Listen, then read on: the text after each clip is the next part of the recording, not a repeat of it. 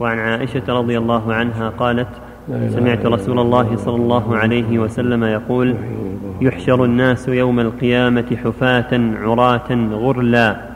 قلت يا رسول الله الرجال والنساء جميعا ينظر بعضهم إلى بعض. قال يا عائشة الأمر أشد من أن يهمهم ذلك. وفي رواية الأمر أهم من أن ينظر بعضهم إلى بعض. متفق عليه. غرلا بضم الغين المعجمة أي غير مختونين. باب الرجاء. قال الله تعالى قل يا عبادي الذين أسرفوا على أنفسهم لا تقنطوا من رحمة الله. إن الله يغفر الذنوب جميعا إنه هو الغفور الرحيم. وقال تعالى وهل نجازي إلا الكفور؟ وقال تعالى إنا قد أوحي إلينا أن العذاب على من كذب وتولى. وقال تعالى ورحمتي وسعت كل شيء. وعن عبادة بن الصامت رضي الله عنه قال قال رسول الله صلى الله عليه وسلم من شهد أن لا إله إلا الله وحده لا شريك له وأن محمدا عبده ورسوله وأن عيسى عبد الله ورسوله وكلمته ألقاها إلى مريم وروح منه والجنة والنار حق أدخله الله الجنة على ما كان من العمل متفق عليه. وفي رواية لمسلم من شهد أن لا إله إلا الله وأن محمدا رسول الله حرم الله عليه النار. وعن أبي ذر رضي الله عنه قال قال النبي صلى الله عليه وسلم يقول الله عز وجل من جاء بالحسنة فله عشر أمثالها أو أزيد ومن جاء بالسيئة فجزاء سيئة. أو أزيد. كذا شكلها المعروف في الرواية أزيدا يزيدهم الله يعني. يصلح معنى أزيد معنى أكثر ما يخالف. ماشي. نعم نعم. ماشي نعم. ومن جاء بالسيئة فجزاء سيئة مثلها أو أغفر. نعم. ومن تقرب مني شبرا تقربت منه ذراعا. ومن تقرب مني ذراعا تقربت منه باعا. ومن أتاني يمشي أتيته هرولة. ومن لقيني بقراب الأرض خطيئة لا يشرك بي شيئا. لقيته بمثلها مغفرة. رواه مسلم. معنى الحديث من تقرب إلي بطاعتي تقربت إليه برحمتي وإن زاد زدت فإن أتاني يمشي وأسرع في طاعتي أتيته هرولة أي صببت عليه الرحمة وسبقته بها ولم أحوجه إلى المشي الكثير في الوصول إلى المقصود وقراب الأرض بضم القاف ويقال بكسرها والضم أصح وأشهر ومعناه ما يقارب ملئها والله أعلم. الحديث الأول يدل على عظم شأن يوم القيامة وأن خطره عظيم وأن أهواله شديدة فيوم القيامة يوم الأهوال والشدائد. ولهذا أخبر النبي صلى الله عليه وسلم الناس يحشرون يوم القيامة حفاة عراة غرلا يعني ليس عليهم نعال عراة ليس عليهم لباس غرلا غير مختونين تعاد إليهم القلفة حتى يقضى الله بين الناس. وأول من يكسى إبراهيم الخليل عليه الصلاة والسلام. قالت عائشة رضي الله يا رسول الله الرجال والنساء ينظر بعضهم إلى بعض؟ قال عليه الصلاة والسلام قال عليه الصلاة والسلام يا عائشة الأمر أشد من ذلك. الأمر أشد من أن ينظر بعضهم إلى بعض الأهوال عظيمة. وليس الشأن شأن النظر الآن وإنما كل أحد كل أحد خايف ماذا يلقى ماذا يصير ماذا ينتهي أمره إليه. وهم في وجل وخوف تقدم أنهم يعرقون يوم القيامة حتى يعرق يبلغ العرق من بعضهم إلى ترقوته وإلى فمه من شدة الهول. تكون يكون عرقهم كالسيل يخوضون فيه منهم من يكون إلى قدمه وإلى ركبته إلى حزته منهم من يلزمه الجامع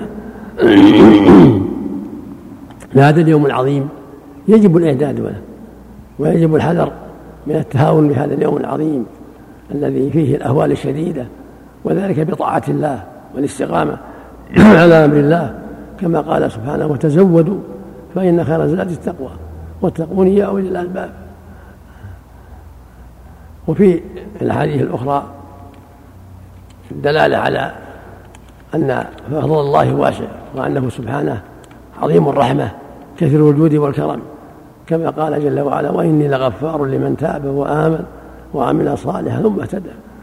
قال جل وعلا يا عبادي الذين أسرفوا على أنفسهم لا تقنطوا من رحمة الله. إن الله يغفر الذنوب جميعا. إنه غفور رحيم. فالواجب على المؤمن أن يحسن ظنه بربه وأن يجمع بين الخوف والرجاء. يخاف الله فيحذر السيئات ويرجوه فيحسن ظنه به. كما في الحديث يقول الله جل وعلا أنا عند ظن عبدي وأنا معه إذا ذكرني. فمن كانت أعماله طيبة حسن ظنه بالله ومن ساءت أعماله ساء ظنه.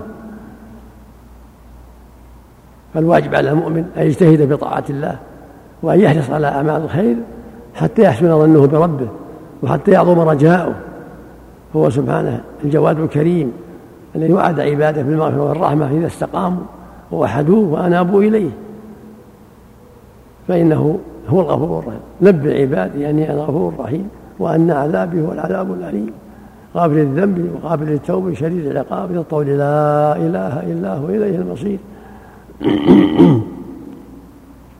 وبين صلى الله عليه وسلم أن من جاء بحسنة فله مثلها إلى عشرة فله فله عشر أمثالها أو أزيد يعني أو أو أزيده حسنات إلى سبعمائة ضعف إلى أكثر.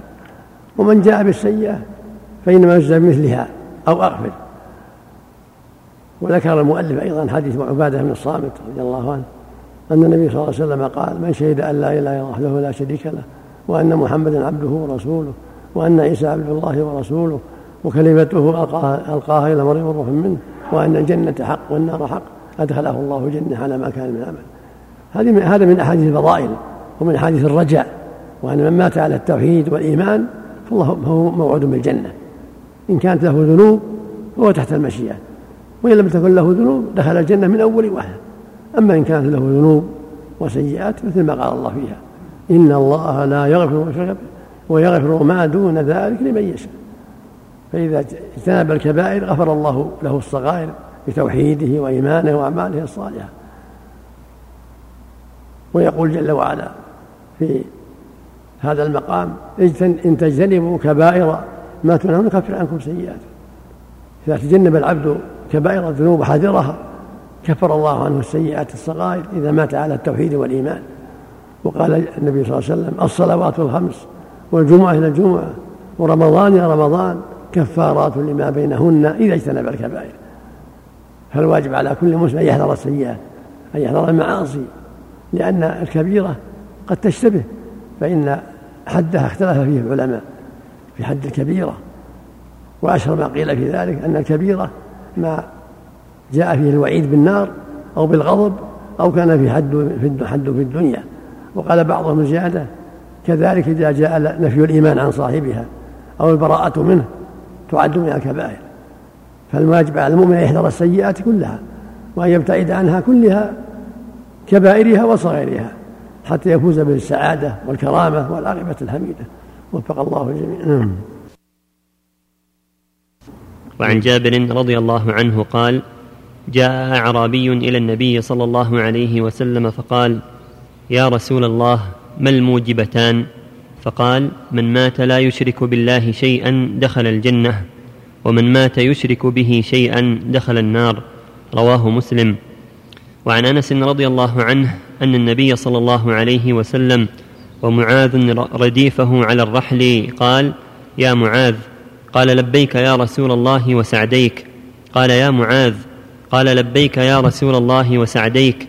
قال يا معاذ. قال لبيك يا رسول الله وسعديك. ثلاثا. قال ما من عبد يشهد أن لا إله إلا الله وأن محمدا عبده ورسوله صدقا من قلبه إلا حرمه الله على النار.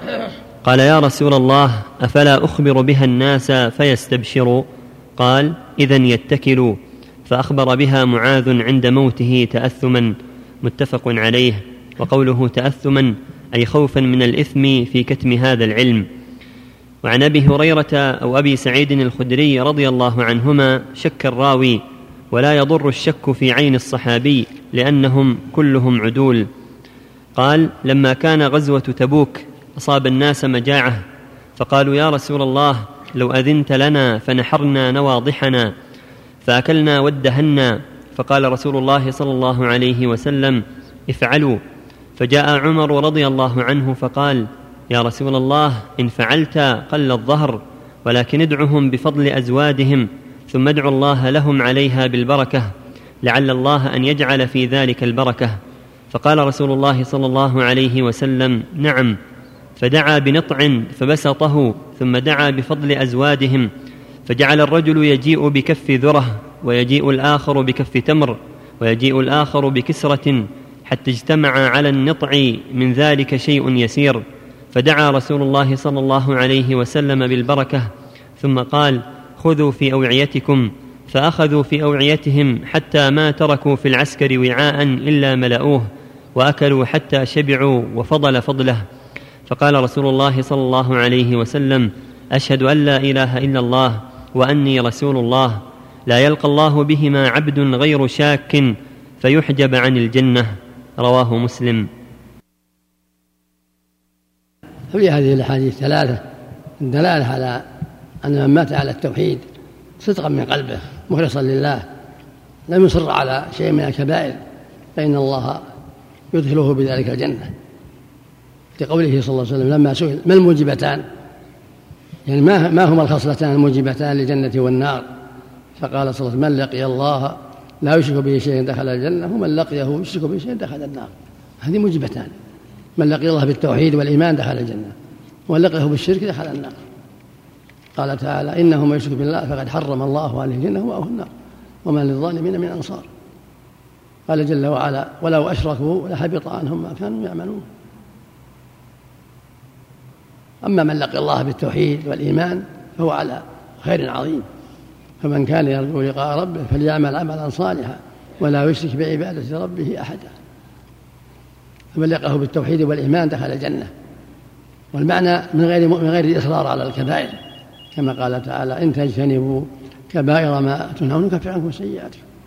فإذا لقيه بالتوحيد والإيمان غير مصر على سيئة بل مؤد للواجبات تارك المحرمات فهو من أهل الجنة. يقول صلى الله عليه وسلم الصلوات الخمس والجمعة إلى الجمعة ورمضان إلى رمضان كفارات لما بينهن إذا اجتنب الكبائر. وهكذا قال الحديث الآخر حديث معاذ من شهد أن لا إله إلا الله ولا شريك له وأن محمد عبده صدقا من قلبه دخل الجنة. قال أفلا أبشر الناس؟ قال لا تبشرهم فيتكلوا. وهكذا في الحديث الآخر حق الله على العباد أن يعبدوه ولا يشركوا شيئا. وحق العباد على الله لا يعذب من لا يشرك شيئا. قال معاذ أفلا أبشر الناس؟ يا رسول الله قال لا تبشرهم فيتكلوا. لكن معاذ أخبر بهذا عند موته تأثما خوفا من الإثم. وقد جاءت الأحاديث الأخرى واضحة. يخبر بها النبي الصحابة وأن من مات على التوحيد والإيمان فله الجنة وإن ترى عليه خطوب قبل ذلك. قال تعالى إن الله لا يغفر ويشرك به ويغفر ما دون ذلك لمن يشاء. من مات على التوحيد والإيمان فله الجنة وإن كانت له سيئات فهو تحت مشيئة الله. إن شاء غفر له وإن شاء عذبه على قدرها. ولكن مع التوحيد الخالص الصادق ما تبقى سيئات لأن التوحيد الصادق الخالص يمحو السيئات. لأن تكون معه التوبة الصادقة. التوحيد الصادق الخالص تكون معه التوبة الماحية للذنوب. فلهذا يدخل الجنة وينجو من النار. فالواجب على كل مؤمن وكل مسلم أن يصدق في عبادته وفي شهادته وأن يصدق مع الله في توحيده وإيمانه وأن يحذر الإصرار على الشرك والمعاصي. فإن الإصرار على المعاصي فيه شر عظيم وخطر كبير. والله جل وعلا أمر عباده بأن يوحدوه واعبدوا الله ولا تشركوا شيئا وقضى ربك ألا تعبدوا إلا إياه. وما أمروا إلا أن يعبدوا الله مخلصين له الدين. فالواجب على جميع المكلفين أن يعبدوا الله وحده. وأن يخصوه بعباده صلاتهم وصومهم ودعائهم واستغاثتهم وذبحهم ونذرهم كله لله وحده. فالذي يدعو الأصنام أو القبور أو الملائكة أو الأنبياء يستغيث بهم أو الجن أو ينذر لهم هذا هو الشرك الأكبر. أما إذا مات على التوحيد والإيمان والصدق والإخلاص فهو من أهل الجنة. فإن كانت له ذنوب من الكبائر قد أصر عليها ولم يتب فهو تحت مشيئة الله. إن شاء الله والله وإن شاء عذب على قدرها. وبعد التعذيب في النار والتمحيص يخرجه الله من النار إلى الجنة. ولا يخلد في النار إلا الكفرة. لا يخلد فيها إلا الكفرة. أما الموحدون وإن دخلوها بذنوبهم لكن لا يخلدون. بعد التمحيص والتطهير يخرجهم الله بشفاعة الشفعاء فضل رحمته من دون شفاعة أحد سبحانه وتعالى. وفي الحديث الثالث الدلالة على ما جعل الله فيه من في نفسه صلى الله عليه وسلم بركة وعلامة من علامات نبوته ومعجزة من معجزات الله جعله مباركا. لما شد عليهم شدت عليهم الحاجة في غزوة تبوك وأرادوا أن ينحروا ظهرهم أشار عمر بأن رضي الله بأن يجمعوا ما عندهم من أطعمة ويدعو فيها بالبركة. فقال النبي نعم فجمعوا ما عندهم من أطعمة. هذا يأتي بكسرة خبز هذا يأتي بحفلة من طعام هذا يأتي بحفلة من تمر حتى جمعوا على أن نطع بعض الشيء. فدعا فيه النبي بالبركة سأل الله أن يبارك فيه. ثم قال خذوا فصارت هذه الكسر القليلة أكواما عظيمة أنزل الله فيه البركة. وصاروا يأخذون في أوعيتهم ويأكلون وهم جنب قفير. كل ذلك مما جعل الله من البركة. وهذا وقع للنبي مرات كثيرة عليه الصلاة والسلام. وهي من علامات النبوة ومن دلائل صدق رسالته عليه الصلاة والسلام. وهكذا نبع الماء من بين أصابعه. في أوقات كثيرة في المدينة وفي غيرها إذا تعسر عليهم الماء وفي المدينة في بعض الأوقات أمرهم بالوضوء ما كان عندهم وضوء قريب فبسط يده في إناء في ماء قليل فجعل ينبع الماء بين أصابعه حتى توضأوا من عند آخرهم وقصة المرأة صاحبة معها غرار نوعين من من ما يجعل فيه الماء مزادتين فيها ماء وكانوا يطلبون الماء في بعض الأسفار صلى الله عليه وسلم. فبعث من يطلب الماء. فصادفوا امرأة من من البادية على بعير لها معها مزادتان فيها ماء يعني رميتان فيها ماء. فقالوا لها اذهبي إلى النبي صلى الله عليه وسلم. فذهبوا بها النبي صلى الله عليه وسلم. فلما وصلت إليه أمر بفتح المزادتين ثم قال خذوا فشرب الناس وأخذوا في أصقيتهم وزال ما عندهم من الحاجة ملأوا أسقيتهم وتوضأوا ورجعت المزادتان كما كانتا مملوءتين. قال انظري يا أمة الله إذا ما زادت ما, ما نقصنا منها منهما شيئا. المزادتان ما نقصنا منهما شيئا. أخذوا ما حاجتهم من الماء. كل ما أخذوا أنزل الله البركة في المال في المزادتين فصارتا ممتلئتين كأن ما أخذ منهما شيء. مع أنهم أخذوا الماء الكثير والشيء الكثير وتوضأوا وشربوا فذهبت إلى قومها. وقال لقد جئتهم من أسحر الناس. أو إنه نبي كما يقول. لما رأت من العجائب والغرائب فأسلم قومها بعد ذلك. أسلموا بسبب هذا ودخلوا في دين الله.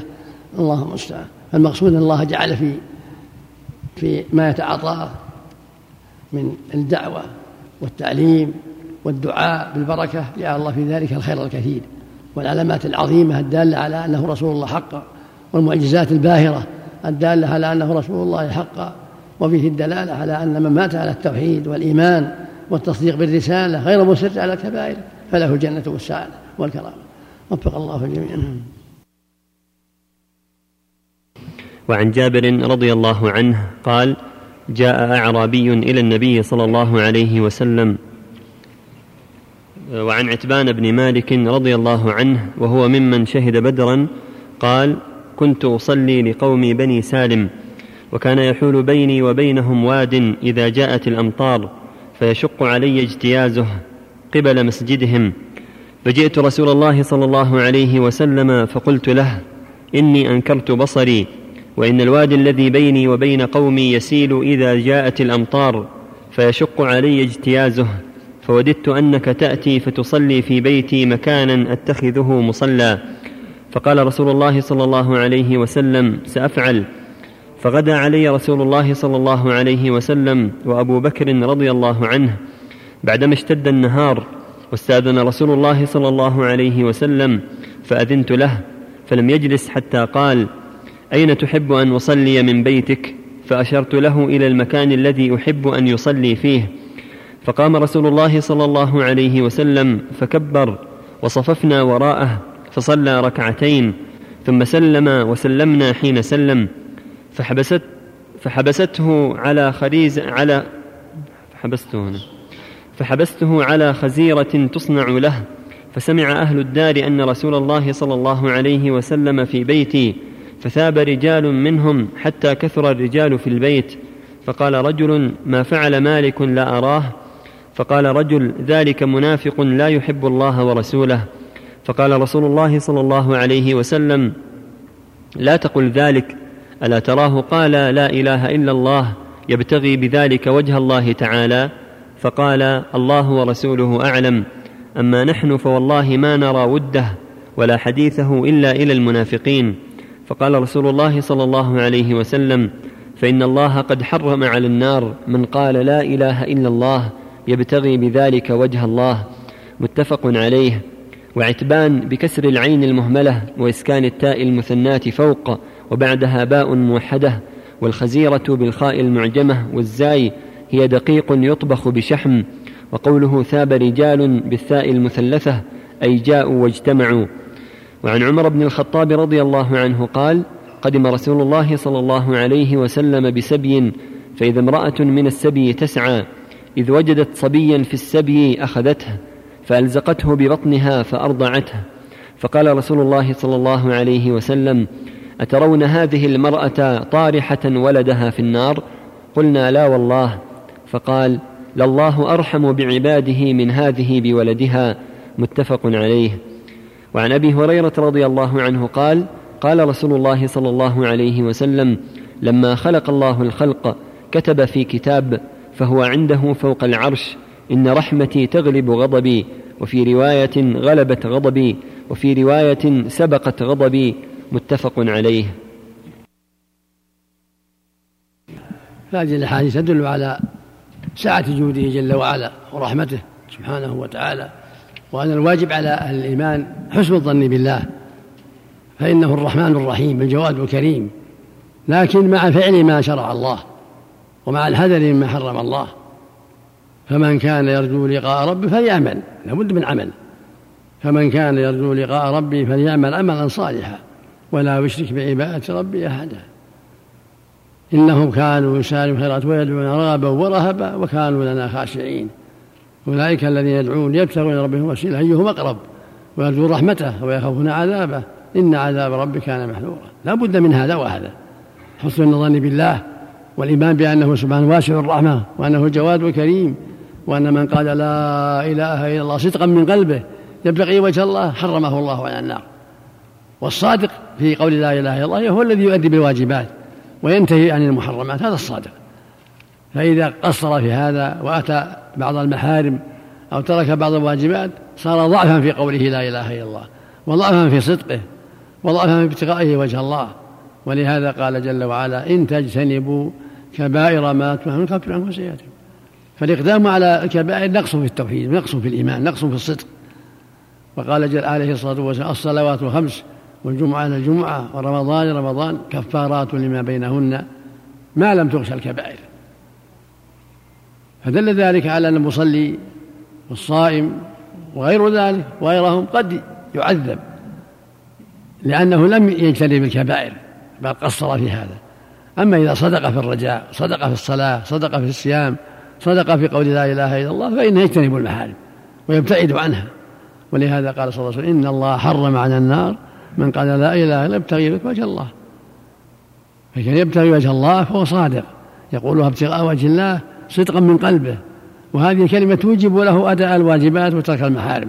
وإلا صار عرضة للوعيد وخطرا وفي هذا أن من أظهر التوحيد وأظهر الإيمان فإنه يحسن به الظن ولا يرمى بالنفاق إلا إذا ظهر منه النفاق. ولهذا أنكر عليه من أنكر القائل إنه منافق ويحب المنافقين. وبين أن من أتى أظهر بالتوحيد أظهر التوحيد والإسلام فالواجب حسن الظن به حتى يتبين منه وخلاف ذلك. والمنافقون يتظاهرون بالإسلام وهم مع الكفرة قلوبهم مع الكفرة يعادون الإسلام وينكرونه. فلهذا قال الله في حقهم إن المنافقين في الدرك الأسفل من النار. لأنهم قالوا بالأفواه ما ليس في القلوب وأظهروا من العمل ما لم يكون ما لم يكونوا صادقين فيه. فلهذا صاروا في الدرك الأسفل من النار والعياذ بالله. فدل ذلك على أن إظهار القول من غير صدق لا يكفي ولا ينفع. لا بد من صدق يقتضي أداء الفرائض وترك المحارم. هكذا الصادقون. يقول يقول ويعمل. وفي هذا دلالة على أنه صلى الله عليه وسلم إذا اتخذ إذا قصد مكانا ليصلى فيه صار مكانا له حرمته. وله فضله إذا قصد ذلك عليه الصلاة والسلام كما أتى عتبان وصلى في مكان في بيته وهكذا لما مقام إبراهيم لما شرع الله الصلاة فيه وهو مقام إبراهيم شرع الله الصلاة فيه وجعله منسكا والحديث الثاني إيش عندك الحديث الثاني؟ كذلك حديث المرأة التي رآها النبي صلى الله عليه وسلم تتبع السبي تلتمس ولدا لها فلما وجدت ولدها ألصقته في في صدرها فقال النبي صلى الله عليه وسلم أترون هذه؟ يعني أتظنون هذه؟ ويجوز الفتح أترون تعلمون طارحة ولدها في النار؟ قالوا لا. قال فالله أرحم بعباده من هذه بولدها. وأرحم بهم سبحانه إذا أدوا حقه. أما إذا عاض إذا خالفوا أمره واجتنبوا طاعته وجاء والوا الشيطان ما صاروا عباد الله ما صاروا محلا للرحمة. فهو سبحانه أرحم بعباده من هذه بولدها يعني عباده الذين اتقوه وأطاعوه. قال تعالى ورحمتي وسعت كل شيء فسأكتبها للذين يتقون ويؤتون الزكاة والذين هم بآياتنا يؤمنون. الآية. فالصادق المتقي الله جل وعلا يرحمه. برحمته الواسعة ويدخله الجنة ورحمته وسعت كل شيء شمل شملت النمل وسائر الحيوانات والطيور كما شملت بني آدم وبني الجان رحمته واسعة. من من الذي رزق هذه الحيوانات؟ صغيرها وكبيرها. من الذي رزقها؟ إلا هو سبحانه وتعالى. هو الرزاق ذو قوة المن. وهذا من رحمته جل وعلا. رزق دويبة الصغيرة في جحرها ورزق الكبار والصغار وأنبت النبات وأنزل الأمطار وأجرى العيون والأنهار رحمة بعباده. خلقهم ورزقهم. ولكن عليهم أن يطيعوا أمره وأن يشكروه وإلا صاروا عرضة لعذابه وغضبه لأنهم لم يشكروا النعم. لئن شكرتم لأزيدنكم. إن تكفروا يقول سبحانه إن تكفروا فإن الله غني عنكم. ولا يرضى لعباده الكفر. وإن تشكروا يرضه لكم. هو يرضى الشكر ولا يرضى الكفر. فالواجب على العباد أن يشكروه وأن يحذروا غضبه حتى يستحقوا رحمته وإحسانه.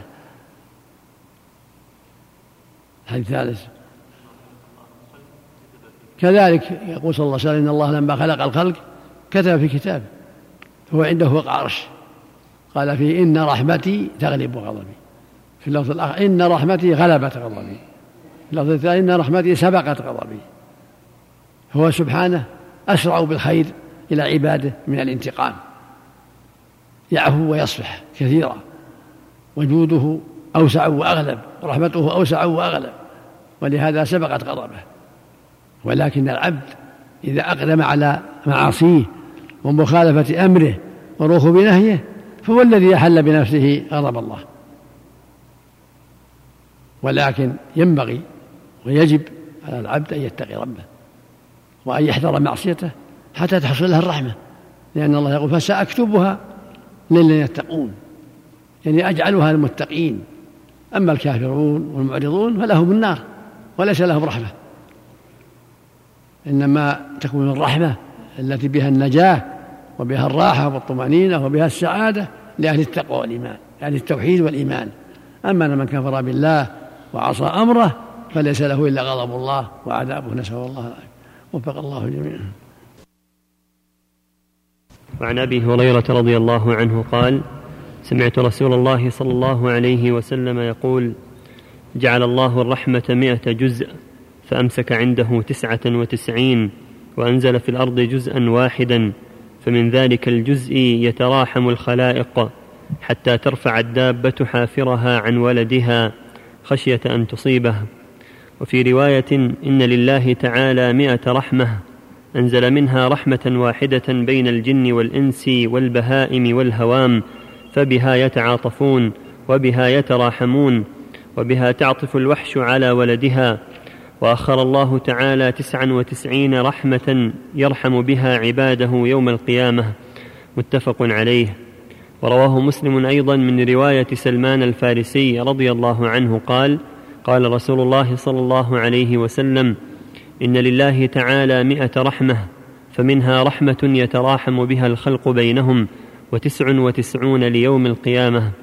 وفي رواية إن الله تعالى خلق يوم خلق السماوات والأرض مائه رحمة كل رحمة طباق ما بين السماء إلى الأرض فجعل منها في الأرض رحمة فبها تعطف الوالدة على ولدها والوحش والطير بعضها على بعض فإذا كان يوم القيامة أكملها بهذه الرحمة وعنه عن النبي صلى الله عليه وسلم فيما يحكي عن ربه تبارك وتعالى قال أذنب عبد ذنبا فقال اللهم اغفر لي ذنبي. فقال الله تبارك وتعالى أذنب عبدي ذنبا. فعلم أن له ربا يغفر الذنب ويأخذ بالذنب. ثم عاد فأذنب فقال أي رب اغفر لي ذنبي. فقال تبارك وتعالى أذنب عبدي ذنبا فعلم أن له ربا يغفر الذنب ويأخذ بالذنب. ثم عاد فأذنب فقال أي رب اغفر لي ذنبي. فقال تبارك وتعالى أذنب عبدي ذنبا فعلم أن له ربا يغفر الذنب ويأخذ بالذنب. قد غفرت لعبدي فليفعل ما شاء. متفق عليه. وقوله تعالى فليفعل ما شاء أي ما دام يفعل هكذا. يذنب ويتوب أغفر له فإن التوبة تهدم ما قبلها. وعنه قال قال رسول الله صلى الله عليه وسلم والذي نفسي بيده لو لم تذنبوا لذهب الله بكم ولجاء بقوم يذنبون فيستغفرون الله تعالى فيغفر لهم. رواه مسلم. هذه الاحاديث الثلاثة كلها تتعلق بسعه رحمة الله جل وعلا. هو القائل سبحانه ورحمته وسعت كل شيء. وهو المسمي نفسه الرحمن الرحيم جل وعلا. فرحمته وسعت كل شيء. الجن والإنس والدواب جميعها. فهو سبحانه الرحمن الرحيم. ولكنه جل وعلا أوجب على عباده حقوق وحرم عليهم أشياء. فمن أدى حقه وترك معصيته استحق رحمته استحق رحمته. وفاز بجنته ورضاه جل وعلا. ومن تعدى الحدود ووقع في المعاصي تعرض لغضب الله وتعرض للعقوبة ولكنه سبحانه لم يؤيس من رحمته بل متى تاب ورجع إليه تاب الله عليه سبحانه وتعالى. وقد خلق مئة رحمة بها يترحم الخلائق. أنزل منها رحمة واحدة يترحم بها الخلائق. وأمسك عنده تسعة وتسعين نوعا من الرحمة يرحم بها عباده يوم القيامة. فرحمته تتضاعف يوم القيامة رحمة لعباده الذين ماتوا على توحيده والإخلاص له. فالواجب على المؤمن أن لا ييأس وأن لا يقلط بل عليه يبادر بالتوبة من ذنوبه. والله يتوب على التائب جل وعلا كما قال تعالى وتوبوا إلى الله جميعا أيها المؤمنون لعلكم تفلحون قال سبحانه وإني لغفار لمن تاب وآمن وعمل صالحا ثم اهتدى وفي الحديث أنه صلى الله عليه وسلم ذكر عن ربه جل وعلا أنه قال أذنب عبدي ذنبا ثم تاب وعلم أن, له ربا يغفر الذنب ويأخذ به. ثم أذنب فتاب وقال رب اغفر لي علم أن له ربا يغفر الذنب ويأخذ به. ثم أذنب الثالثة فعلم أن رب له ربا يغفر الذنب ويأخذ به. فقال له جل وعلا قد غفرت لك. وقال فليفعل ما شاء يعني ما دام توابا إذا جزلت قدمه بادر بالتوبة. كما قال جل وعلا ويلي لغفار لمن تاب وآمن وعمل صالحا ثم اهتدى. فالعبد ما زال إذا أذنب تاب ورجع وعرف أن ربه أن له ربا يأخذ الذنب يغفر الذنب ويأخذ به فإنه على رجاء الرحمة. المصيبة أن يصر. قال تعالى والذين إذا فعلوا فاحشة أو ظلموا أو ذكروا الله فاستغفروا ذنوبهم. ومن يغفر الذنوب إلا الله ولم يصروا على ما فعل وهم يعلمون. أولئك جزاؤهم مغفرة من ربهم وجنات تجري من تحتها الأنهار خالدين فيها ونعم أجر العاملين فالعبد إذا بادر بالتوبة وترك الإصرار وصدق في التوبة تاب الله عليه. أما من أصر وبقي على المعصية فهو المتوعد بالعقوبة والخطر لا حول ولا قوة إلا بالله. فينبغي المؤمن أن يحذر الذنوب غاية الحذر. ويبتعد عنها فإذا بلي بها فليبادر بالتوبة وليبادر بالندم والإقلاع والله يتوب على التائبين سبحانه وتعالى. كما قال جل وعلا وإني لغفار لمن تاب وآمن وعمل صالح ثم اهتدى. والعبد متى أصر على الذنوب أصر على خطر قد يطبع على قلبه. كلا بل ران على قلوبهم ما كانوا يكسبون قد يطبع قلبه. إذا نكت في قلبه نكتة سوداء بالذنب ثم نكتة أخرى قد يطبع على قلبه فليحذر. وليبادر بالتوبة وليقلع من الذنوب قبل أن يطبع على قلبه ولا حول ولا قوة إلا بالله. الحديث الثالث. كذلك حديث يقول صلى الله عليه وسلم الله يقول يقول والذي نفسي به لو لم تذنبوا يقول النبي صلى الله عليه وسلم لو لم تذنبوا لذهب الله بكم. وجاء بقوم يذنبون فيستغفرون فيغفر لهم لأنه سبحانه غفور رحيم تواب حكيم. فلا بد أن توجد آثار هذه الأسماء. فلهذا أوجد من خلقه قسمين قسما يستحق الرحمة قسما يستحق العقوبة لأنه الرحمن الرحيم ولأنه شديد العقاب. فلو لم يذنبوا لذهب الله بهم وجاء بقوم يذنبون فيستغفرون فيغفر لهم حتى تظهر آثار أسمائه وصفاته. كتب على عباده أنه لا بد أن يقع الذنب. أعطاهم عقول وأعطاهم شهوات. فمن تاب إليه وغلبت توبته واستقام على الأمر ربح السعادة وفاز بالنعيم. ومن غلبت عليه ذنوبه وسيئاته فاء بالخيبة والخسارة. إلا من تاب إلا من تاب وآمن. كما قال جل وعلا والذين لا يدعون مع الله إلها آخر ولا يقتلون النفس التي حرم الله إلا بالحق ولا يزنون. ومن يفعل ذلك يلقى أثاما. يضاعف له العذاب يوم القيامة ويخلد فيه مهانا. إلا من تاب وآمن وعمل عملا صالحا. فأولئك يبدل الله سيئات حسنات وكان الله غفورا رحيما.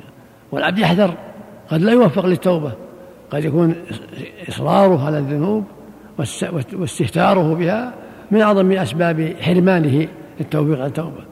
من أسباب حرمانه التوفيق التوبة ومن أسباب خذلانه ولا حول ولا قوة إلا بالله. نسأل الله للجميع العافية والسلامة وعن أبي أيوب خالد بن زيد رضي الله عنه قال سمعت رسول الله صلى الله عليه وسلم يقول لولا أنكم تذنبون لخلق الله خلقا يذنبون فيستغفرون فيغفر لهم. رواه مسلم.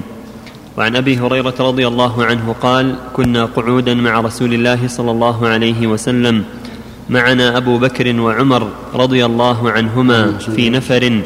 فقام رسول الله صلى الله عليه وسلم من بين أظهرنا فأبطأ علينا فخشينا أن يقتطع دوننا ففزعنا فقمنا فكنت أول من فزع فخرجت أبتغي رسول الله صلى الله عليه وسلم حتى أتيت حائطا للأنصار وذكر الحديث بطوله إلى قوله فقال رسول الله صلى الله عليه وسلم اذهب فمن لقيت وراء هذا الحائط يشهد أن لا إله إلا الله مستيقنا بها قلبه فبشره بالجنة رواه مسلم. وعن عبد الله بن عمرو بن العاص رضي الله عنهما أن النبي صلى الله عليه وسلم تلا قول الله عز وجل في إبراهيم صلى الله عليه وسلم رب إنهن أضللن كثيرا من الناس فمن تبعني فإنه مني. وقول عيسى صلى الله عليه وسلم إن تعذبهم فإنهم عبادك وإن تغفر لهم فإنك أنت العزيز الحكيم. فرفع يديه وقال اللهم أمتي أمتي. وبكى. فقال الله عز وجل يا جبريل اذهب إلى محمد وربك أعلم فسله ما يبكيه. فأتاه جبريل فأخبره رسول الله صلى الله عليه وسلم بما قال وهو أعلم. فقال الله تعالى يا جبريل اذهب إلى محمد فقل إنا سنرضيك في أمتك ولا نسوءك. رواه مسلم.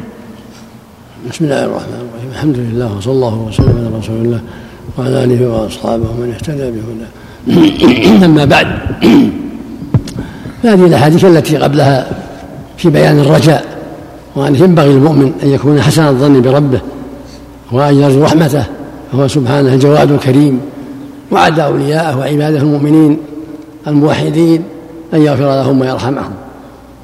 وقال لو لم تذنبوا لذهب الله بكم وجاء بقوم يذنبون ثم يستغفرون فيغفر لهم. وأمر أبا هريرة أن يبشر الناس أن من لقي الله بالتوحيد صادقا من قلبه فيبشره بالجنة. وأخبر النبي صلى الله عليه وسلم أنه أن الله جل قال له إنا لن نسوءه في أمته سنرضيه في أمته. هذا كله يدل على أنه ينبغي المؤمن أن يكون حسن الظن بالله. وهذه من الأحاديث المطلقة. التي جاء تقييدها في النصوص الأخرى وأن هذا الفضل وهذا الرجاء مقيدا باجتناب الذنوب والحذر من الكبائر.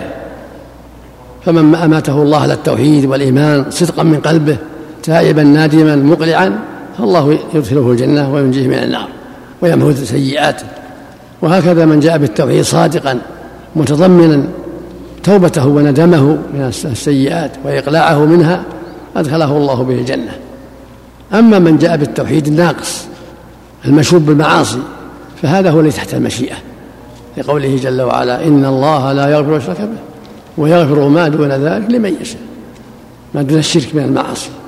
فمن أتى بالتوحيد الخالص النقي السليم من الإصرار على المعاصي فهذا له الجنة من أول وآله أما من أتى بالتوحيد المشوب المنطق بالذنوب والمعاصي فهو تحت مشيئة الله. إن شاء الله غفر له. وإن شاء عذبه على قدر المعاصي التي يموت عليها. ثم يخرجه الله من النار إلى الجنة. وجاءت الأحاديث متواترة عن النبي صلى الله عليه وسلم أن كثيرا من أمته يدخل النار بمعاصيهم ويشفع فيهم عدة شفاعات. يشفع الشفاعة الأولى فيحد الله له حدا فيخرجهم من النار. ثم يشفع فيحد, فيحد الله له حدا فيخرجهم من النار. ثم يشفع فيحد الله له حدا فيخرجهم من النار. ثم يشفع فيحد الله له حدا فيخرجهم من النار. ويبقى في النار فضل لم تشملهم الشفاعة فيخرجهم الله برحمته بعدما امتحشوا في النار بذنوبهم وسيئاتهم. وهؤلاء الذين يخرجون من النار يلقون في نهر الحياة نهر يقال نهر الحياة فينبتون فيه كما تنبت الحبة في حامل السيل. فإذا تتم, تتام خلقهم أدخلهم الله الجنة سبحانه وتعالى. فينبغي لك يا عبد الله أن تحذر السيئات. وأن تكون نقي التوحيد نقي الإيمان سليما من الإصرار على الذنوب. الذنوب تقع ما هو بإنسان معصوم لكن يجب على الإنسان متى أذنب أن يبادر بالتوبة. لا ييأس. رب ربنا وعد بالمغفرة. والذين إذا فعلوا فاحشة يقول سبحانه في سورة الأعراف والذين إذا فعلوا فاحشة أو ظلموا أنفسهم ذكروا الله فاستغفروا لذنوبهم. ومن يغفر الذنوب إلا الله ولم يصروا على ما فعلوا وهم يعلمون. أولئك جزاؤهم مغفرة من ربهم وجنات تجري من تحتها الأنهار خالدين فيها ونعم أجر العاملين. فاشترط بهذا الجزاء أنهم لا يصرون على المعاصي. وقال جل وعلا وإني لغفار لمن تاب وآمن وعمل صالحا ثم اهتدى. ذكر التوبة والعمل الصالح. قال تعالى قل يا عبادي الذين أسرفوا على أنفسهم لا تقنطوا من رحمة الله. إن الله يغفر الذنوب جميعا هو الغفور الرحيم. ثم قال وأنيبوا إلى ربكم وأسلموا فالواجب مع التوبة الإنابة. إذا تاب إلى الله وأناب إليه فهو سعيد. فعليه يحاسب نفسه ويجاهدها لله ويتوب من سيئاته وينيب إلى الله بالعمل الصالح وله البشرى بالجنة والكرامة. أما من أصر على السيئات ولم يبادر بالتوبة فهذا قد عرض نفسه للوعيد والخطر الذي بينه الله في كتابه وبينه رسوله عليه الصلاة والسلام. نسأل الله للجميع الهداية والتوفيق. نعم. وعن معاذ بن جبل رضي الله عنه قال كنت ردف النبي صلى الله عليه وسلم على حمار فقال يا معاذ هل تدري ما حق الله على عباده وما حق العباد على الله؟ قلت الله ورسوله أعلم. قال فإن حق الله على العباد أن يعبدوه ولا يشركوا به شيئا. وحق العباد على الله ألا يعذب من لا يشرك به شيئا. فقلت يا رسول الله أفلا أبشر الناس؟ قال لا تبشرهم فيتكلوا. متفق عليه. وعن البراء بن عازب رضي الله عنهما عن النبي صلى الله عليه وسلم قال المسلم إذا سئل في القبر يشهد أن لا إله إلا الله وأن محمدا رسول الله. فذلك قوله تعالى يثبت الله الذين آمنوا بالقول الثابت في الحياة الدنيا وفي الآخرة متفق عليه. وعن أنس رضي الله عنه عن رسول الله صلى الله عليه وسلم قال إن الكافر إذا عمل حسنة أطعم بها طعمة من الدنيا وأما المؤمن فإن الله تعالى يدخر له حسناته في الآخرة ويعقبه رزقا في الدنيا على طاعته. وفي رواية إن الله لا يظلم مؤمنا حسنة يعطى بها في الدنيا ويجزى بها في الآخرة وأما الكافر فيطعم بحسنات ما عمل لله تعالى في الدنيا حتى إذا أفضى إلى الآخرة لم يكن له حسنة يجزى بها رواه مسلم. بسم الله الرحمن الرحيم. الحمد لله وصلى الله وسلم على رسول الله وعلى آله وأصحابه ومن اهتدى بهم أما بعد فهذه الأحاديث الثلاثة كالتي قبلها. في بيان فضل التوحيد والإيمان وأن المؤمن موقظ بالجنة والسعادة وأنه يثبت في قبره. فإذا سئل عن شهادة أن لا إله إلا الله وأن محمدا رسول أجاب. قيل من ربك؟ قال ربي الله. قيل ما دينه قال الاسلام قيل من نبيه قال محمد صلى الله عليه وسلم. وإذا سئل عن الشهادة شهد شهادة شهد أنه لا إله إلا الله وأن محمدا رسول الله فيثبته الله كما قال جل وعلا. يثبته الله الذين من قول الثابت في الحياة الدنيا وفي الآخرة. وحديث معاذ يبين لنا أن حق الله على عباده هو توحيده والإخلاص له. هذا حق الله على عباده أن يعبدوه وحده بطاعة أوامره وترك نواهيه وتخصيصه بالعبادة. هذا حق الله على عباده. أما حقهم عليه إذا أدوا حقه فأن الله لا يعذبهم بل يدخلهم الجنة وينجيهم من النار. قال معاذ أفلو بشروا الناس؟ قال لا تبشرهم فيتكلوا كان أمرهم النبي صلى الله عليه وسلم بأن لا يبشرهم حتى لا يتكلوا ثم بين هذا عليه الصلاة والسلام أو أمر الأمة أمر الصحابة بالتبليغ بلغوا عنه ذلك. وأن مات على التوحيد والإيمان فله الجنة والسعادة. وإن كانت له ذنوب وسيئات وهو تحت مشيئة. لكن من مات على التوحيد والإيمان فمنتهاه الجنة. وإن جرى عليه محن وعذاب قبل ذلك إذا مات على شيء من الذنوب والكبائر. لكن مصيره منتهاه الجنة. وإن جرى عليه ما جرى من تعذيب في قبره أو في البرزخ أو في الآخرة فالمصير والنهاية الجنة إذا مات على التوحيد والإيمان. أما إن مات سالما ليس معه سيئات أصر عليها مات على توبة صادقة وإيمان كامل فإنه له الجنة من أول وهلة أما من كان عنده ذنوب ومعاصي مات عليها لم يتب فالأمر كما قال الله جل وعلا إن الله لا يغفر يشرك به ويغفر ما دون ذلك لمن يشاء. فالعصاة تحت المشيئة. وكثير منهم يعذبون في النار على معاصيهم ثم بعد التطهير يخرجون من النار. وبعضهم يشفع فيه الشفعاء وبعضهم يخرجه الله بدون شفاعة أحد سبحانه وتعالى. ولا يبقى في النار ولا يخلد فيها إلا الكفار. الذين ختم الله عليهم ببقائه في بقائهم فيها. كما قال عز وجل يريدون أن يخرجوا من النار وما هم بخارجين منها ولهم عذاب مقيم. قال تعالى كذلك يريهم الله أعمالهم حسرات عليهم وما هم بخارجين من النار. قال تعالى فذوقوا فلن نزيدكم إلا عذابا. قال سبحانه كلما خبت زدناهم سعيرا. فالواجب على المؤمن أن يحذر وأن يتقي الله جل وعلا وأن يستقيم على أمر الله ويحافظ على ما أوجب عليه ويحذر ما حرم الله عليه حتى يفوز بالجنة من أول وهلة وحتى يبتعد عن الخطر. وتبشير الناس بالتوحيد والإيمان وما لأهله. أمر استقرت عليه الشريعة. وكان النبي يبشر أصحابه في آخر الزمان بعد ذلك ويأمرهم بالتبشير. حتى يعلم المؤمن أن الموحد على خير عظيم. وإن كان على خطر من جهة, من جهة سيئاته لكنه لا يخلد في النار. فعلى كل مكلف أن يحذر معاصي الله وأن يحذر الشرك أكثر وأكثر لأنه أعظم الذنوب ولأن أهله مخلدون في النار. وما دون الشرك تحت مشيئة الرب عز وجل. وفي الحديث الثاني يقول صلى الله عليه وسلم إن الكافر إذا عمل حسنة أطعم بها عظمة في الدنيا. وصل رحمه أو تصدق أو فرج كربة مكروب أو ما أشبه ذلك يجزى في الدنيا. هذا كافر يجزى بحسناته في الدنيا.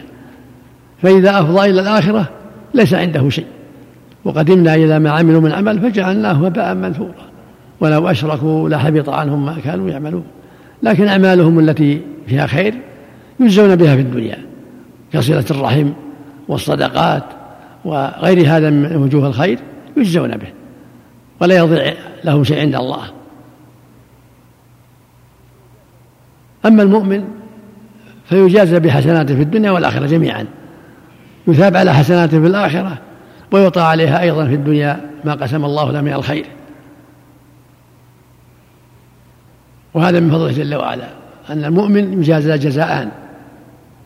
المؤمن يجازى جزاءين أحدهما في الدنيا بما يعطيه الله من الخير والنعم والتوفيق وفي الآخرة بدخول الجنة والنجاة من النار.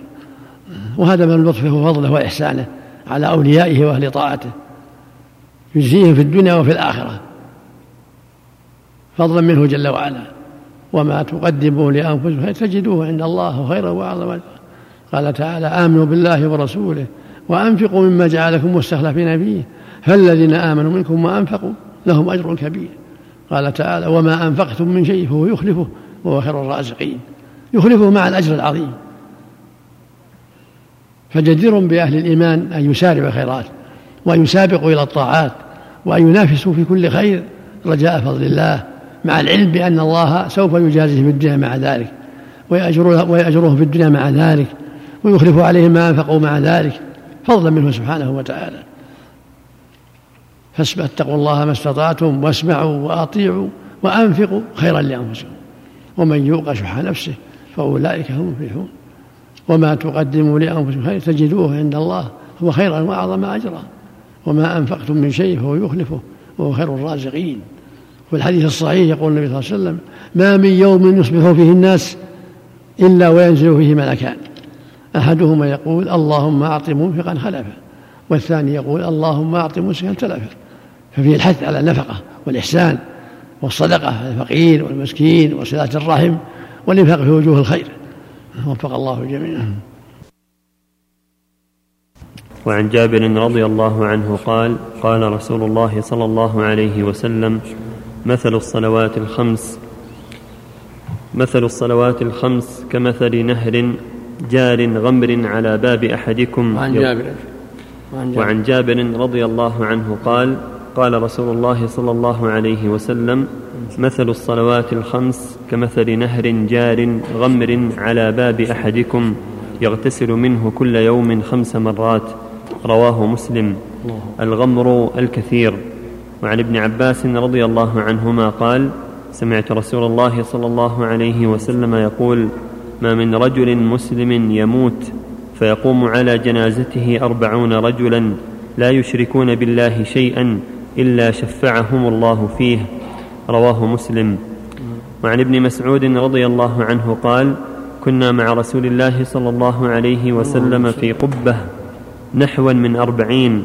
فقال أترضون أن تكونوا ربع أهل الجنة؟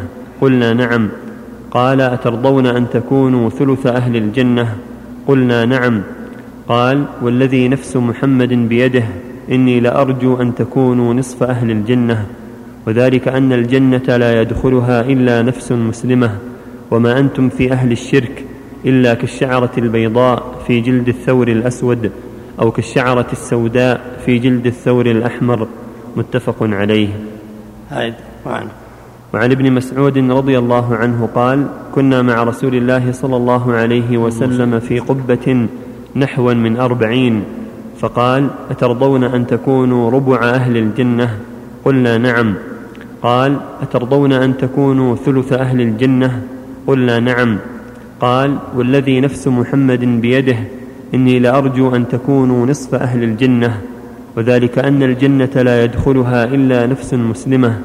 وما أنتم في أهل الشرك إلا كالشعرة البيضاء في جلد الثور الأسود أو كالشعرة السوداء في جلد الثور الأحمر. متفق عليه. هذه الأحاديث أيضا فيها التبشير بالخير والحث على الرجاء وإحسان الظن بالله عز وجل. يقول النبي صلى الله عليه وسلم مثل الصلوات الخمس كمثل نهر غمر على باب أحدكم يغتسل من كل يوم خمس مرات فلا ترون يبقى من درنه شيء يعني وسخ الشيء. يعني فهكذا الصلوات يمحو الله بها السيئات والخطايا كل يوم خمس مرات. يصلي الإنسان يطلب ما عند الله. فهذا يدل على أن ينبغي المؤمن أن يعتني بالصلاة وأن يكملها وأن يخشع فيها وأن يحذر السيئات. فإن الله يمحو بهذه الصلوات السيئات كما يمحو الوسخ والدرن بالماء الذي يتكرر من المؤمن كل كل مرة يغسل خمس مرات أو أكثر. فهي تمحو الله بها الخطايا. ولكن هذا عند عدم الإصرار على الكبائر. أما إذا أصر على الكبائر فإنها لا تكون مكفرة كما في الحديث الآخر يقول صلى الله عليه وسلم الصلوات الخمس والجمعة إلى الجمعة ورمضان إلى رمضان كفارة لما بينهن إذا اجتنب الكبائر. فيمحو الله بها الصغائر عند اجتناب الكبائر. فيجب على المؤمن أن يحذر السيئات كلها. وأن يبتعد عنها حتى تكون هذه الصلوات درجات له عمل وحسنات عظيمة يرفعه الله بها درجات ويرحم بها ما قد يقع من السيئات الصغائر. ويقول صلى الله عليه وسلم ما من مسلم يموت فيقوم على جنازته أربعون رجلا لا يشركون بالله شيئا إلا شفعهم الله فيه.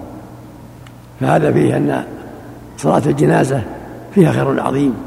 وكلما كثر العدد صار خيرا للميت.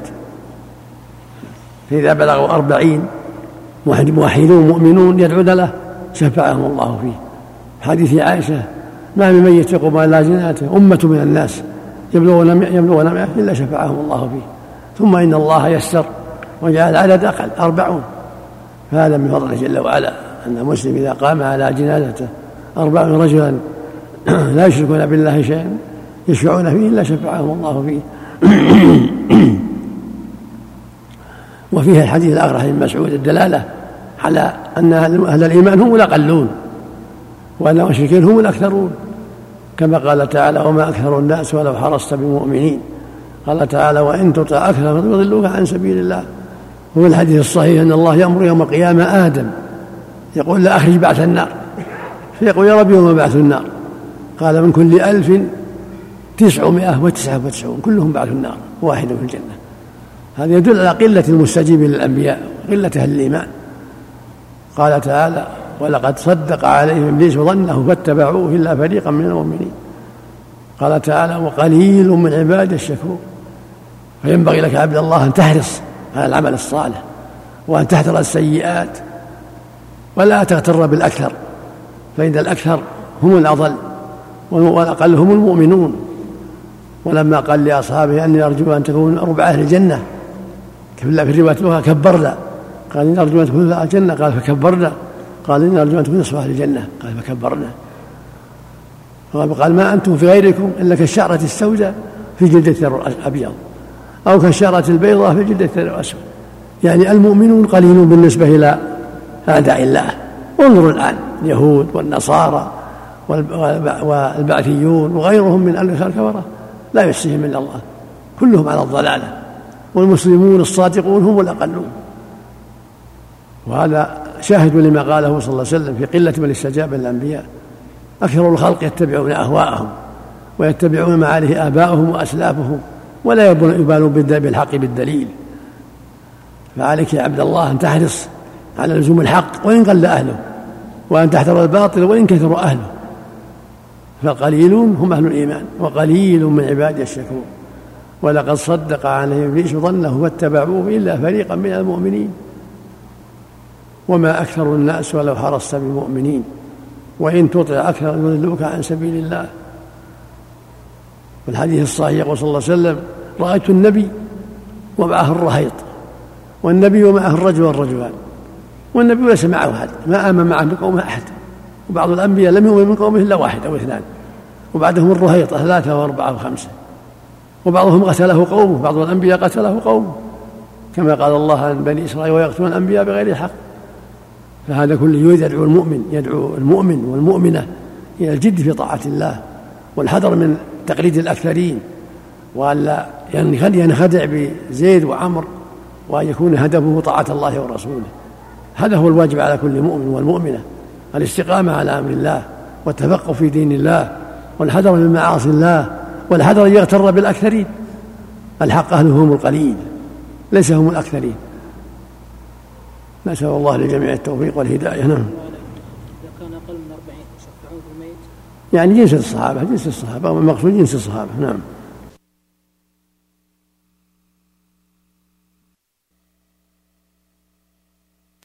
وعن أبي موسى الأشعري رضي الله عنه قال قال رسول الله صلى الله عليه وسلم إذا كان يوم القيامة دفع الله إلى كل مسلم يهوديا أو نصرانيا فيقول هذا فكاكك من النار. وفي رواية عنه عن النبي صلى الله عليه وسلم قال يجيء يوم القيامة ناس من المسلمين بذنوب أمثال الجبال يغفرها الله لهم. رواه مسلم. قوله دفع إلى كل مسلم يهوديا أو نصرانيا فيقول هذا فكاكك من النار. معناه ما جاء في حديث أبي هريرة رضي الله عنه. لكل أحد منزل في الجنة ومنزل في النار. فالمؤمن إذا دخل الجنة خلفه الكافر في النار لأنه مستحق لذلك بكفره. ومعنى فكاكك أنك كنت معرضا لدخول النار. وهذا فكاكك لأن الله تعالى قدر للنار عددا يملأها فإذا دخلها الكفار بذنوبهم وكفرهم صاروا في معنى الفكاك للمسلمين والله أعلم. وعن ابن عمر رضي الله عنهما قال سمعت رسول الله صلى الله عليه وسلم يقول يدنى المؤمن يوم القيامة من ربه حتى يضع كنفه عليه فيقرره بذنوبه فيقول أتعرف ذنب كذا أتعرف ذنب كذا؟ فيقول رب أعرف. قال فإني قد سترتها عليك في الدنيا وأنا أغفرها لك اليوم فيعطى صحيفة حسناته متفق عليه. كنفه ستره ورحمته. وعن ابن مسعود رضي الله عنه أن رجلا أصاب من امرأة قبلة فأتى النبي صلى الله عليه وسلم فأخبره. فأنزل الله تعالى وأقم الصلاة طرفي النهار وزلفا من الليل إن الحسنات يذهبن السيئات. فقال الرجل ألي هذا يا رسول يا رسول الله؟ قال لجميع أمتي كلهم متفق عليه.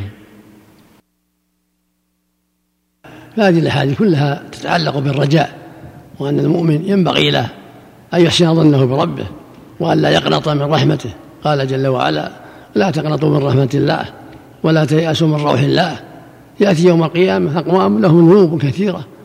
فيغفر الله لهم بتوبتهم أو بأعمالهم الصالحة التي قدموها كما قال تعالى ويغفر ما دون ذلك لمن يشاء. ما تحت الشرك تحت مشيئته سبحانه فقد يغفرها لهم بالتوبة كما وعدهم وقد يغفرها لهم بأشياء أخرى من أعمالهم الصالحة الكثيرة أو بشفاعة الشفعاء كنبينا محمد صلى الله عليه وسلم والأفراد وغيرهم. فلا ينبغي للمؤمن أن يقنط. ولكن ليس معنى هذا أنه يستريح للمعاصي ويقيم عليها ويصر لا بل يحذر. يحذر ومع الحذر يحسن ظنه بربه. ويرجو أن يغفر له ما سلف منه وما فرط منه من الذنوب. رجع ثوابه وحذر عقابه سبحانه وتعالى. والله يقول جل وعلا والذين إذا فعلوا فاحشة أو ظلموا أنفسهم ذكروا الله فاستغفروا ذنوبهم ومن يغفر الذنوب إلا الله. ولم يصروا على ما فعلوا وهم يعلمون. فالمؤمن لا يصر بل يحذر. يتوب إلى الله ويقلع ويندم ويسأل ربه التوبة. وهو سبحانه وتعالى الغفور الرحيم. يتوب ويعمل الحسنات ويحسن ظنه بربه جل وعلا. هكذا الحديث الثاني الله يدني عبده المؤمن يوم القيامة ويقرره بذنوبه ويقول سترتها عليك في الدنيا وأنا أغفر لك اليوم. فهذا أيضا ما يجب حسن الظن وأن الإنسان قد تكون له ذنوب فيسترها الله عليه في الدنيا ويغفر له في الآخرة بأعماله الصالحة أو بتوبته. أو بشفاعة الشفعاء فلا ينبغي أن تقنط ولا تيأس لذنبك. بل متى وقع الذنب فبادر بالتوبة والإقلاع والندم وأبشر بالخير. والمؤمن لا يقنط ولا ييأس بل مع سوء عمله يبادر بالتوبة. يسر ربه العفو يحسن ظنه بربه ولا يصر على السيئات لا يصر عليها بل يحذرها غاية الحذر. ويجتهد يجتهد في التوبة منها والإقلاع منها لعله ينجو. وهكذا كونه يعطى فكاكة من اليهود والنصارى المؤمن يدخله الله الجنة ويجعل مكانه في النار من شاء الله من أهل الكفر لأن الكفار لهم مقاعد في الجنة ومقاعد في النار والمسلم له مقعد في الجنة ومقعد في النار فإذا ماته أماته الله على الإسلام صارت مقاعد المسلمين التي في النار لأهل, لأهل الجحيم لأهل النار. نسأل الله العافية. الحديث الثالث.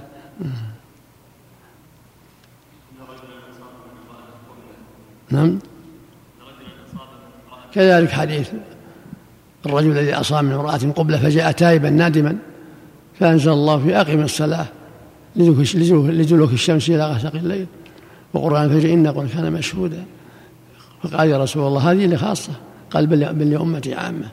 فالمقصود أن العبد متى فرطت منه سيئة فليبادر بالتوبة والإقلاع. وليحسن له بربه. والله يتوب على التائبين. فهذا جاء تائبا نادما والله يتوب على التائبين. ولو من الشرك. متى تاب المؤمن حتى من الشرك الذي هو أعظم الذنوب.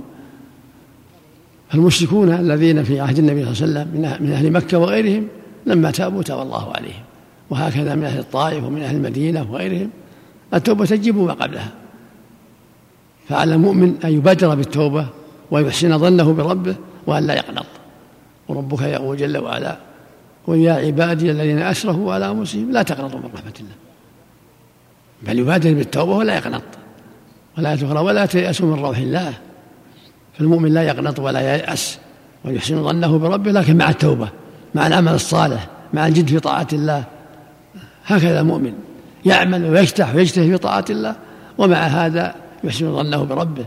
ويسأله العفو يسأله التوفيق وقبول التوبة. وفق الله جميعا. وعن أنس رضي الله عنه قال جاء رجل إلى النبي صلى الله عليه وسلم فقال يا رسول الله أصبت حدا فأقمه علي. وحضرت الصلاة فصلى مع رسول الله صلى الله عليه وسلم. فلما قضى الصلاة قال يا رسول الله إني أصبت حدا فأقم في كتاب الله. قال هل حضرت معنا الصلاة؟ قال نعم. قال قد غفر لك. متفق عليه. وقوله أصبت حدا معناه معصية توجب التعزير وليس المراد الحد الشرعي الحقيقي كحد الزنا والخمر وغيرهما فإن هذه الحدود لا تسقط بالصلاة ولا يجوز للإمام تركها. وعنه قال قال رسول الله صلى الله عليه وسلم إن الله ليرضى عن العبد أن يأكل الأكلة فيحمده عليها أو يشرب الشربة فيحمده عليها رواه مسلم. الأكلة بفتح الهمزة وهي المرة الواحدة من الأكل كالغدوة والعشوة والله أعلم. وعن أبي موسى رضي الله عنه عن النبي صلى الله عليه وسلم قال إن الله تعالى يبسط يده بالليل ليتوب مسيء النهار ويبسط يده بالنهار ليتوب مسيء الليل حتى تطلع الشمس من مغربها. رواه مسلم. بسم الله الرحمن الرحيم. الحمد لله. صلى الله وسلم على رسول الله وعلى آله وأصحابه من اهتدى بهم أما بعد هذه الأحاديث الثلاثة كالتي قبلها في الحث على الرجاء وحسن الظن بالله عز وجل والعناية بالتوبة مما سلف من الذنوب. والله سبحانه يتوب على التائبين وهو القائل عز وجل وهو الذي يقبل التوبة عن عباده ويعفو عن السيئات ويعلم ما تفعلون. وهو القائل جل وعلا أفلا يتوبون الله ويستغفرونه؟ والله غفور رحيم. فمن جاءه تائبا نادما صادقا تاب الله عليه. ومن هذا حديث صاحب الحد قال إذا أصبت حدا فأقموا علي. فقال حضرت معنا الصلاة. قال نعم. قال إن الله قد غفر لك حدك. في الآخر أنزل الله أقيم الصلاة. لدلوك الشمس إلى غسق الليل. وقرآن الفجر إن قرآن كان مشهودا. فالله جل وعلا يغفر لعبده إذا تاب. هذا جاء تائبا نادما ولم يبين الحد ولم يستفسره النبي صلى الله عليه وسلم.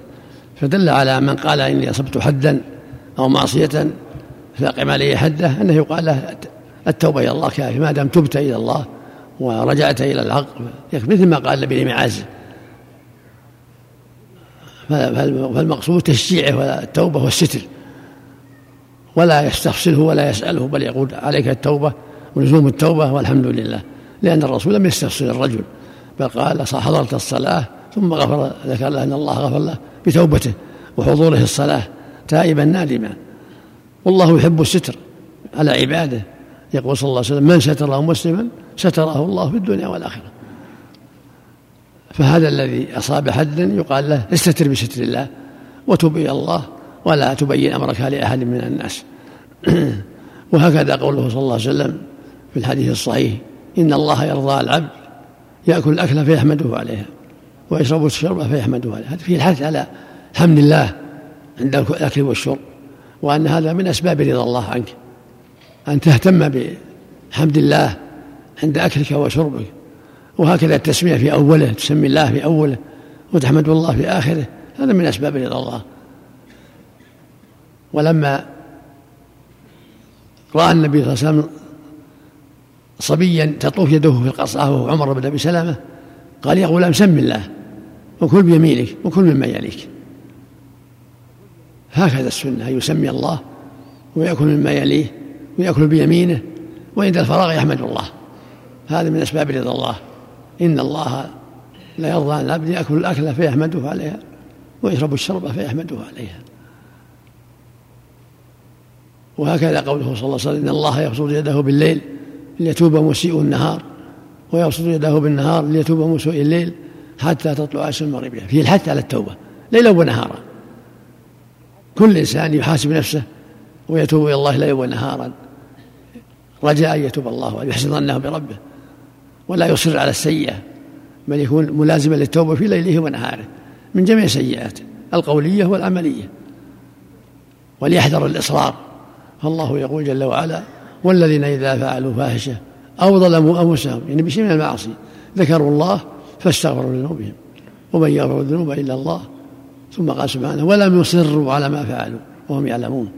أولئك جزاؤهم مغفرة من ربهم وجنات تجري من تحتها الأنهار خالدين فيها ونعم أجر العاملين فشرط في هذا الجزاء العظيم عدم الإصرار. وفق الله جميعا.